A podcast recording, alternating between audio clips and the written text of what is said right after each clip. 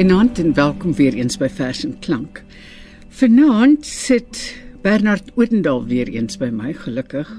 Hy was te lank weg van ons gewees. Ehm um, en Bernard gaan ons help om te kyk na die bundels op die kortlys vir die Elisabeth Eybers prys wat NB Uitgewers toeken aan die digbundels wat by hulle in die vorige jaar ja. verskyn het. Ja. En die prysuitdeling, die pryse word bekend gemaak en mm. uitgedeel op die 22ste, 22. dis dis môre aand. Mm. So ons is nou maar ons is nou hier met 'n glasbal. Bernard het so groot glasbal hier voor hom waarna hy kyk. en ek is bevrees uh, die glasbal is bietjie dof en vuil ja. in hierdie stadium. Ja, ek is bly ek hoef nie te kies tussen die drie bundels nie. Baie welkom weer eens Bernard. Baie dankie. Waarna gaan ons kyk vanaand? Ja, daar's 3 bundels op hulle kortlys. Vry van Gilbert Gibson, Takelwerk van Daniel Hugo en Marlies Joubert se Bladspieël. En dis 'n uh, vrek interessante bundels, jy weet, behalwe dat dit boeiende poësie is, mm. uh, is dit vir my ook 'n weerspieëling van die styl en vormverskeidenheid wat uh, ons vandag in die Afrikaanse poësie kry. Ons gaan dit nou alfabeties volgens ja, van van vanne gaan ons dit ja. eenvoudig ons dis nie die glasbal se weerspieëling met ons hier het nee. nie. Ja. Kom ons praat oor Gilbert Gibson. Mense sien dit dikwels in resensies en en wanneer mense in artikels oor hom skryf dat hulle uh, hom een van die verteenwoordigers noem van amper iets wat 'n stromingkie geword het, naamlik minder toeganklike poësie. 'n Mens kan sê meer geslote poësie. Daar is iets ontglippends in hoe hy dinge sê en hoe hy dinge sien. Miskien moet ons maar begin met 'n voorbeeld. Jy weet die openingsgedig is 'n goeie voorbeeld. Baie ongewoon is dat hierdie gedig staan alleen, apart as 'n openingsgedig. Maar die gedig is doodgetrek.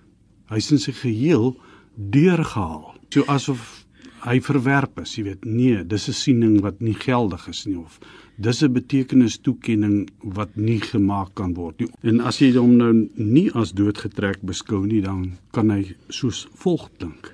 Die Vrystaat het 'n horison voor eendag.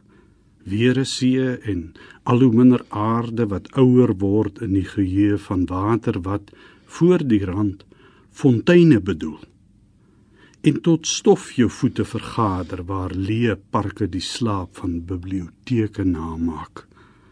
Tot ander kan die wilgebome by die spruit waar die hart bedaar en skeybare vulkane tot niks versaak. Die horison lê bedags soos woede voor die deur, soos honde uitgestrek in die tuin.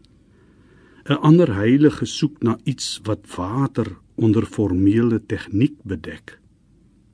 Die brein is 'n gedaante wat aspirasies faal wat in die styl van vlakte nie lig in jou oë verbeel nie en dus snags jou slaafs bemin die horison van binne af in wil net eers haar wys die die bundeltitel is vry. Vry, ja. Maar, vry met 'n koppelteken. Ja, hy het 'n koppelteken aan. Wat 'n baie interessante want jy kry ook in in in 'n uh, die eerste gedig in die eerste afdeling dat daai woordjie in die eerste reël staan so met daai afkappingsteken. Maar dan in die volgende reeltjie staan die woord staat, vry staat. Ja, ja, ja. ja. Ek reken nogal 'n mens kan dit interpreteer soos ek die vry met die koppelteken, veral daai koppelteken is eintlik 'n ja, 'n minimale voorstelling van 'n horison. Want die woord horison kom in 'n hele klompie gedigte ter sprake soos ons nou net gehoor het uit die gedig wat ons nou nou gelees het. Maar dis ook 'n 'n teken wat aandui hoe 'n horison werk. 'n Horison is aan een kant 'n skeiding tussen hierdie kant en daardie kant van die horison, maar dis ook 'n verbinding van hierdie kant met daardie kant. Ek lees vir ons die vry. Die Vrystaat het 'n horison waarvoor ek oor die stoep kan kyk. Die horison is 'n verknoopte skoenveter wat 'n mens deursny met 'n rooi knipmes. Die horison is jou tong. Die horison staan in die lug voor 'n fluitspeler. Maak jou verslange bang. Die horison is subtiel soos 'n swempie stof op 'n baadjie se skouer. Dit herroep die droogskoonmaker. Die horison lê soos 'n gevalle mas wanneer die anker lig. Lê bedaard soos 'n galg. En jy is die dood. Dit klink asof uh, die ganse bundel van begin tot einde, jy weet, so kom ons noem dit nou maar baie intellektueel is ontoeganklik is.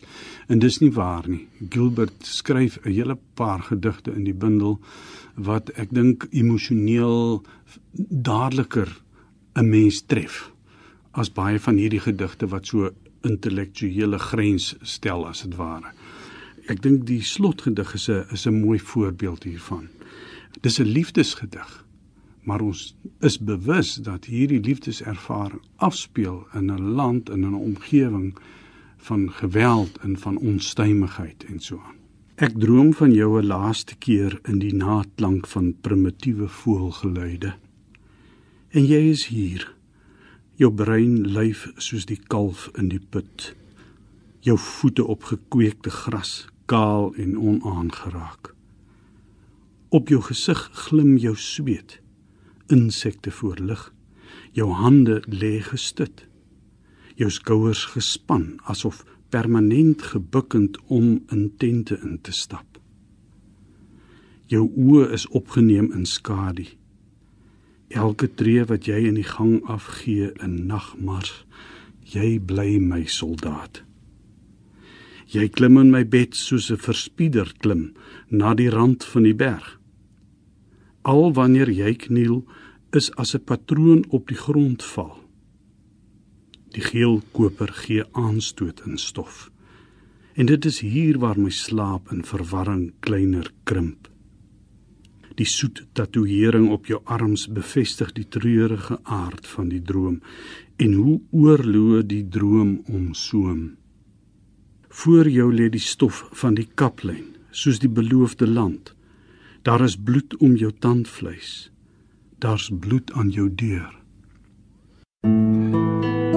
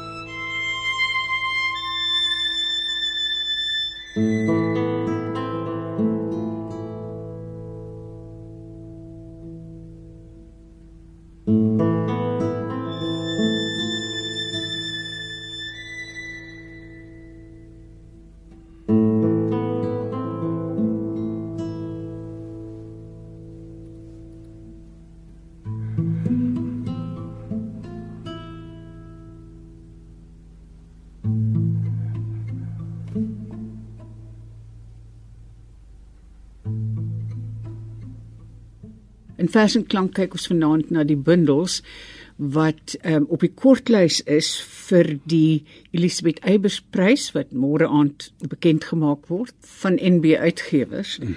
En ons het nou gekyk na Gilbert Gibson se werk. Uh, volgende aan die beurt is Daniel Ligo se werk. Ja, sy bundel Takelwerk. Ja. Wat Mooi bundel. Ja. Ja, 'n pragtige bundel en en en 'n heeltemal 'n ander styl as die van Gilbert Gibson. Uh, Daar's 'n jy weet 'n neiging by Daniel soos 'n mens om nou al met sy ek meer as 15 bundels uh, al leer ken het 'n digter wat uh, staat maak, vertrou, uh vertroue het in die meer vaste vorm met sy ryme en ook in hierdie digbundel vind 'n mens jy weet vaste forme soos die persiese kwatryn en die die haiku as meer as een sonnet wat jy daarin vind en ook ander gedigte wat wat staat maak op rymskemas en so aan. Ek het hom al meer as een keer hoor kla oor Afrikaans so rymarm is, maar ek dink dit is daardie uitdaging wat wat hom soveel plesier verskaf en ek dink hy sal vir jou sê man om ryme te vind is eintlik jy weet soos opperman ek dink dit eendag gesê dit is nie hindernisse nie. Dit is mylpale. En mens mens sien dit daar's 'n jy weet daar's 'n verkneukeling in die vormgewing en daai pret word oorgedra aan die leser wanneer jy dit lees. Ja. Jy miskien moet jy vir ons so 'n voorbeeld lees. Hier is 'n goeie voorbeeld, die gedig is Kwatryn. Gelok deur die glinster in my oog, kom draai 'n muggie voor my gesig. 'n Dwaalende klein gedagte wat die oase soek van 'n gedig. Ons het nou gepraat oor dat hy dikwels gedigte skryf oor die digkuns. Maar 'n ander ding wat 'n mens opval vanaf vroeg in sy oeuvre is dat hy ook die die biografiese gegevens van sy eie lewe is prominent daarin. Hy hy steek dit nie weg want die veronderstelling is dat wat hy ervaar ook ander mense ervaar. Soos sy siekte van 'n bietjie meer as 'n jaar gelede. 'n Paar gedigte in hierdie bundel gaan daaroor as byvoorbeeld die hele reeks onder die hooftitel Hospitale Die tweede deel van daai reeks gedigte is eene wat ek gedink het jy vir ons moet lees. Die vale dwaal in die sale rond. Die een wat teen als immuun is, vermom as virus, kiem of bloedklont. Hier is jou kanse baie na aan nul. Ons stel pille af met 'n abakus om daardie dwaler medies te verkil. Hy skep die fatale samestelling terwyl ons sukkel met minus en plus van die selle se finale telling. Die skrale bly steeds op ons bloed belus. Hy laat dit stol of koorsig is omdat hy self so bloedarmoedig is. Die onsigbare is jaloers op ons. Al is ons slegs vlees en bloed, stof en dons. Mm. ja die fale nê die dood die sluiper 'n ander uh, kan ek sê breë tematiese veld waarin Daniel Hugo uitmunt in sy poësie is is die die liefdestema. Pragtige liefdesverse geskryf van die begin af. Hier is spesifiek so 'n gedig. Jy gaan hom lees hoor. ja. Tuiste. Sonder die skoorsteenkap is die wind sy rigting kwyt Sonder die sinkdak verloor die reën sy troos geluid. Sonder die tikkende geute verdwyn die tyd. Sonder hierdie adres vergeet die swaals van suid. Sonder liefde flakker die winterkaggel uit. Dis jy my lief wat die deur teen die wolwe sluit. Dis 'n pragtige liefdesgedig. Baie mooi liefdesgedig. Vir my was die hoogtepunt in takelwerk twee reekse gedigte wat juist te doen het met die die twee huise wat hy en Marlene bewoon. Hulle het uh, daar in Prins Albert in die Groot Karoo het hulle huis, maar daar is ook 'n uh, ander een naby Durbanville. En ehm uh, liefdevolheid in verhoudings met die geliefde met die medemens en met die natuur staan in hierdie gedigte voorop. Hierdie dinge is as dit ware die takelwerk, die maste en seile waarmee deur die lewe gevaar kan word. En dis dan ook die titel van die van die bundel as 'n geheel. Ek het gewonder of jy nie uh, vir ons een van daai dele wil lees nie. Dis uh, dis gedig 14 in die reeks. Tussen die versreëls wat kweel en kwetter, sluip 'n valkat gefokus op haar buit. Gevang in die smal akoestiese gang, kronkel sy labirinties soos 'n slang. Haar kwyl laat klad hier en daar 'n letter, maar sy volg instinkmatig die geluid. Gedryf deur 'n darwinistiese drang, word sy deur geen komma of punt gestuit. Spring sy, hoor jy ryme klap en fletter. Vanaand het ons nou na twee manlike digters se werk gekyk, Gilbert Gibson en Daniel Hugo, maar daar is ook 'n vroulike digter. Ja, dit is Marlies Joubert en ehm um, jy praat nou van vroulik is nogal heel gepas want uh die vroulike ervaring van die werklikheid beginnende by die liefdes en die huwelikslewe is 'n inslag wat 'n mens in in Marlies Joubert se digbundels van die begin af kry.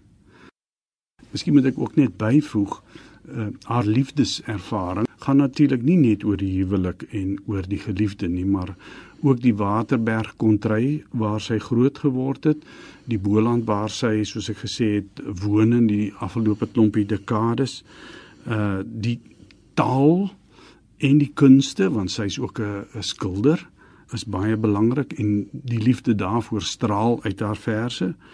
En deesdae is dit asof hierdie haar nog skerper uitstaan omdat daarby nou gekom het 'n uh, kleinkinders.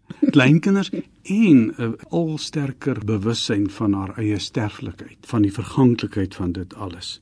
Maar ek wonder of jy nie die eerste gedig sal lees waarin baie van hierdie dinge weer speel staan nie. Die gedig se naam is Erf. Op my erf voel ek veilig. O, oh, so veilig. Geen tyd ontbreek my nie. Hier is die eekoring, die visant en tarntaal, spikkels plesier in die springkasteel van bome. Teen skemeraand trossel kykens agterna, slaap vier diep onder sagte lippe van irisse in die tuin. Niks, o niks ontbreek my nie, want hier vreet purperduwe hulle vlamdik aan milde goue saad. Op my erf is ek veilig, ingekerf tussen smetgroen lowwe en baldadige blomme hangende oor fonteine en heininge wat stip oksideer teen my ruite en die lig net die lig na binne laat niks ontbreek my nie alarms beskerm my mond traliehekke verbied die balsamiese gesig van die sotlike dief. Die gode smeer my brood vet met botter. Oor my tong vloei 'n heuningmaan. Sterre stroop soos liekwarte oor die dak. My koskas loop oor. 'n Daaglikse traktaat laat my glo my erf is meer goed as kwaad. Is meerendeels die tydlose hart van my klein alom bedreigde woord bestaan.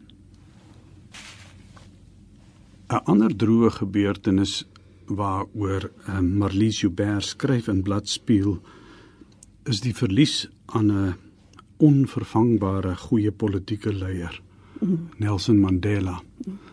En dis my een van die mooiste huldigingsgedigte wat ek gelees het na sy afsterwe. Treursang. Moet niks sê nie. Kyk voor jou deur die motor se ruit. Moenie praat nie. Kyk na die berg terwyl die son sak. Moet niks sê oor die berg en niks oor die skadu-agtige snye teen die rugkant nie. Die berg se voue is bloedverweel, asof 'n gordyn wag om oopgetrek te word en aan te kondig 'n groot man het vandag gesterf. Praat nie oor die plakkershuise regs van die pad nie, uitgestrooi dus kan die berg as verweerde Lego blokkies, die kleur reeds dof en vuil gevat met skeltaal met droefnis en wanhoop liglose armoede. Die tik tik tik asof verduistering wag. Bo kan die berg slaap 'n wolk, rustig soos 'n hond in sy hemelhok. Rooi nat snoet op die pote, stert effens uitgewaier. Miskien grom hy later luid. Miskien chunk hy 'n paar druppels neer. Miskien sal die wind hom vannag wegneem aan 'n ketting verdriet, toesluit in 'n konka se knetterende vuur. Moet niks sê nie. Kyk voor jou deur die motor se ruit. Moenie praat nie. 'n Geliefde man het pas gesterf. Mm -hmm.